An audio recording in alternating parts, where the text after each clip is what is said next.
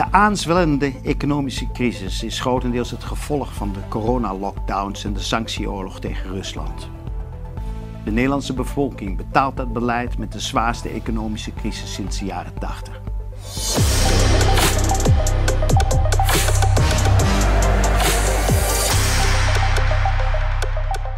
Het CBS presenteerde de 12% inflatie in augustus 2022 als de grootste stijging ooit gemeten. Het inflatiecijfer schommelde tussen 1991 en 2021 steeds tussen de 0 en 4 procent. En in juli 2021 stond de rente nog op 1,4 procent, maar steeg toen razendsnel omhoog naar 6,4 procent in januari 2022 om vervolgens door te stijgen naar een historische 12% in augustus 2022.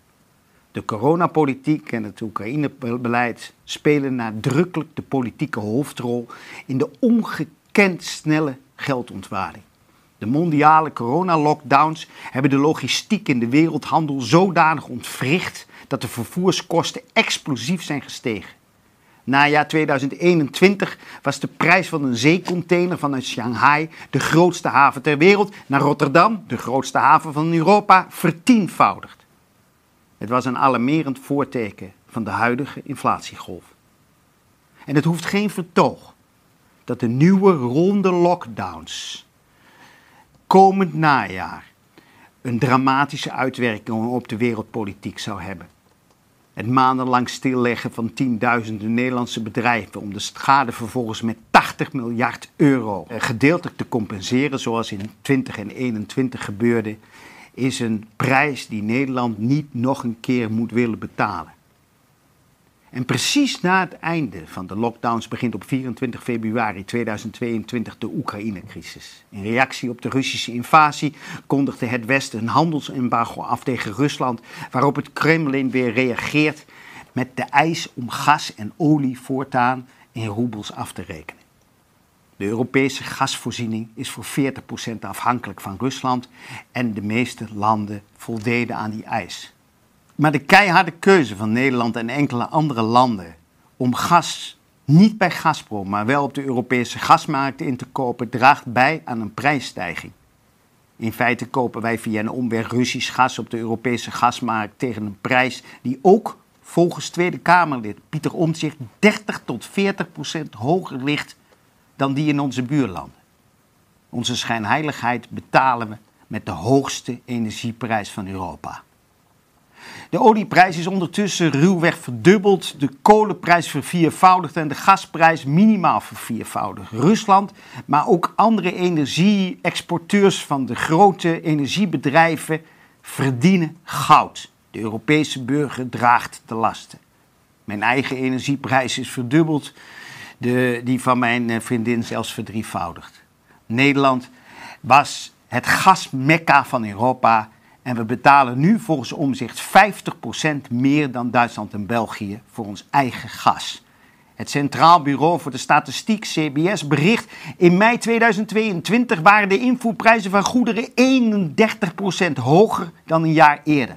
Vooral gas, olie, maar ook plantaardige oliën, granen, papier, staal, aluminium stegen sterk in prijs. Rusland heeft begin september de grootste pijpleiding van Europa, Nord Stream 1, dichtgedraaid. Dat Rusland met deze maatregel allereerst de Duitse economie treft, lijkt haar antwoord op de vijandige Duitse wapenleveranties aan Oekraïne. Kremlin-woordvoerder Peskov verklaarde dat de heropening volledig afhankelijk is van het opheffen van westerse sanctiemaatregelen. Het falende sanctiebeleid heeft de koopkracht van de Europese economie ernstig aangetast. De euro is de afgelopen maanden ruim 15% in waarde gezakt ten opzichte van diverse andere munten, vooral tegenover de Amerikaanse dollar. Dat komt zowel door de kracht van de dollar als door de zwakte van de euro. Want ook tegenover andere munten is de euro gezakt. Voor het eerst in de geschiedenis is de Zwitserse frank meer waard dan de euro. Op de wereldmarkt is de eurozone afgelopen maanden 15% armer geworden. Het verlies ten opzichte van de roebel is nog groter en komt boven de 25% uit. Rusland lijkt met haar sterk gestegen roebel de handelsoorlog te winnen. Amerika brengt zichzelf middels haar dollar in veiligheid en Europa betaalt haar participatie in de Oekraïne-oorlog met een zware crisis. De politieke klasse in de westerse naties voert met steun van de media een oorlog waarvoor de gehele Europese bevolking de hoogste prijs betaalt en dan vooral het armste deel.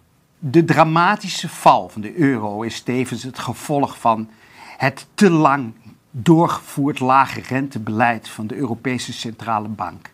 Lage rente schept veel geld om te investeren en goederen te kopen, totdat de aanvoer van die goederen stokt en daardoor de inflatie intreedt. Dat inflatiespook wordt klassiek bestreden door de rente te verhogen, waarmee lenen onaantrekkelijker wordt en de geldhoeveelheid vermindert. Minder geld voor dezelfde hoeveelheid goederen betekent immers prijsdalingen. De Amerikaanse centrale bank, de Fed, heeft de rente sinds maart 2020 tot juli 2022 stapsgewijs laten stijgen van een kwart procent tot 2,5 procent. De belangrijkste rente in de eurozone stond op 0% en is pas sinds licht verhoogd naar 0,75%. Zelfs het NRC Handelsblad, traditioneel pleitbezorger van een lage rentepolitiek, opteerde in haar hoofdredactioneel commentaar voor de rentestijging. Hogere rentes trekken immers internationaal kapitaal aan dat nu allemaal in de dollar vlucht. Het gevaar van een renteverhoging is een vermindering van investeringen en een vergrote kans op een economische crisis. Een bijkomend probleem in de mondiale schuldeneconomie is dat wereldwijd veel overheden, maar ook veel particulieren, de afgelopen decennia astronomische schulden hebben opgebouwd, waardoor de rentelast alleen in Nederland gemakkelijk met tientallen miljarden kan stijgen. Maar rentestijging is een schrale troost voor de nijvere spaarder die momenteel zijn spaargeld ziet verdampen. Maar ach, wat doet 1% rente bij 12% geldontwaarding? Europa heeft Rusland, de grootste grondstoffenproducent ter wereld, desastreus genoeg een handelsoorlog aangezegd die nu in ons eigen gezicht ontploft. Wat kunnen de Europese landen nog doen om de economische crisis te beperken? De belangrijkste stap richting economisch perspectief zou bestaan uit het beëindigen van de wederzijdse sanctieoorlog en het stoppen van de levering van zware wapens aan Oekraïne. Voor politieke overeenstemming en beëindiging van de militaire oorlog lijkt een opdeling van het verdeelde Oekraïne pragmatisch, maar waarschijnlijk ook democratisch de beste oplossing. Maar de werkelijk democratische vraag: bij wie wil de veelal Russisch-talige bevolking in Oost-Oekraïne eigenlijk horen? Bij Oekraïne of bij Rusland? Die vraag is taboe. Europa wil geen referenda.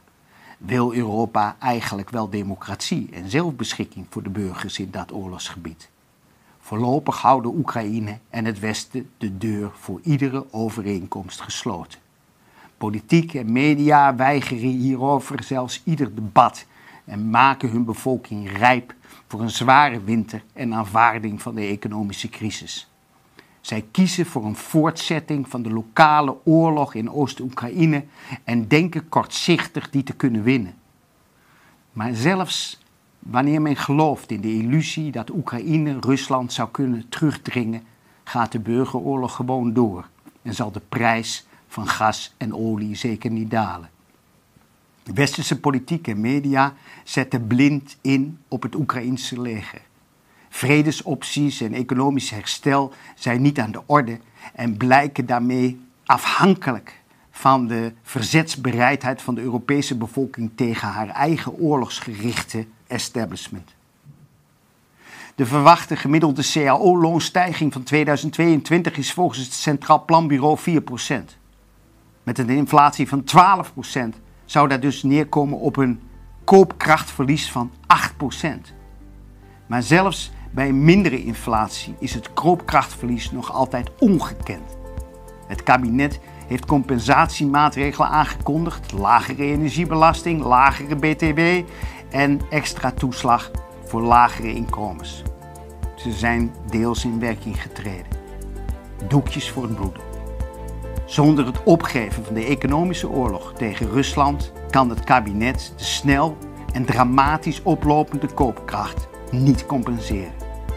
Tegenmaatregelen kunnen niet verhinderen dat Nederland en Europa expliciet kiezen voor een destructieve spiraal die ons hoogstwaarschijnlijk brengen in de zwaarste economische crisis sinds de oorlog.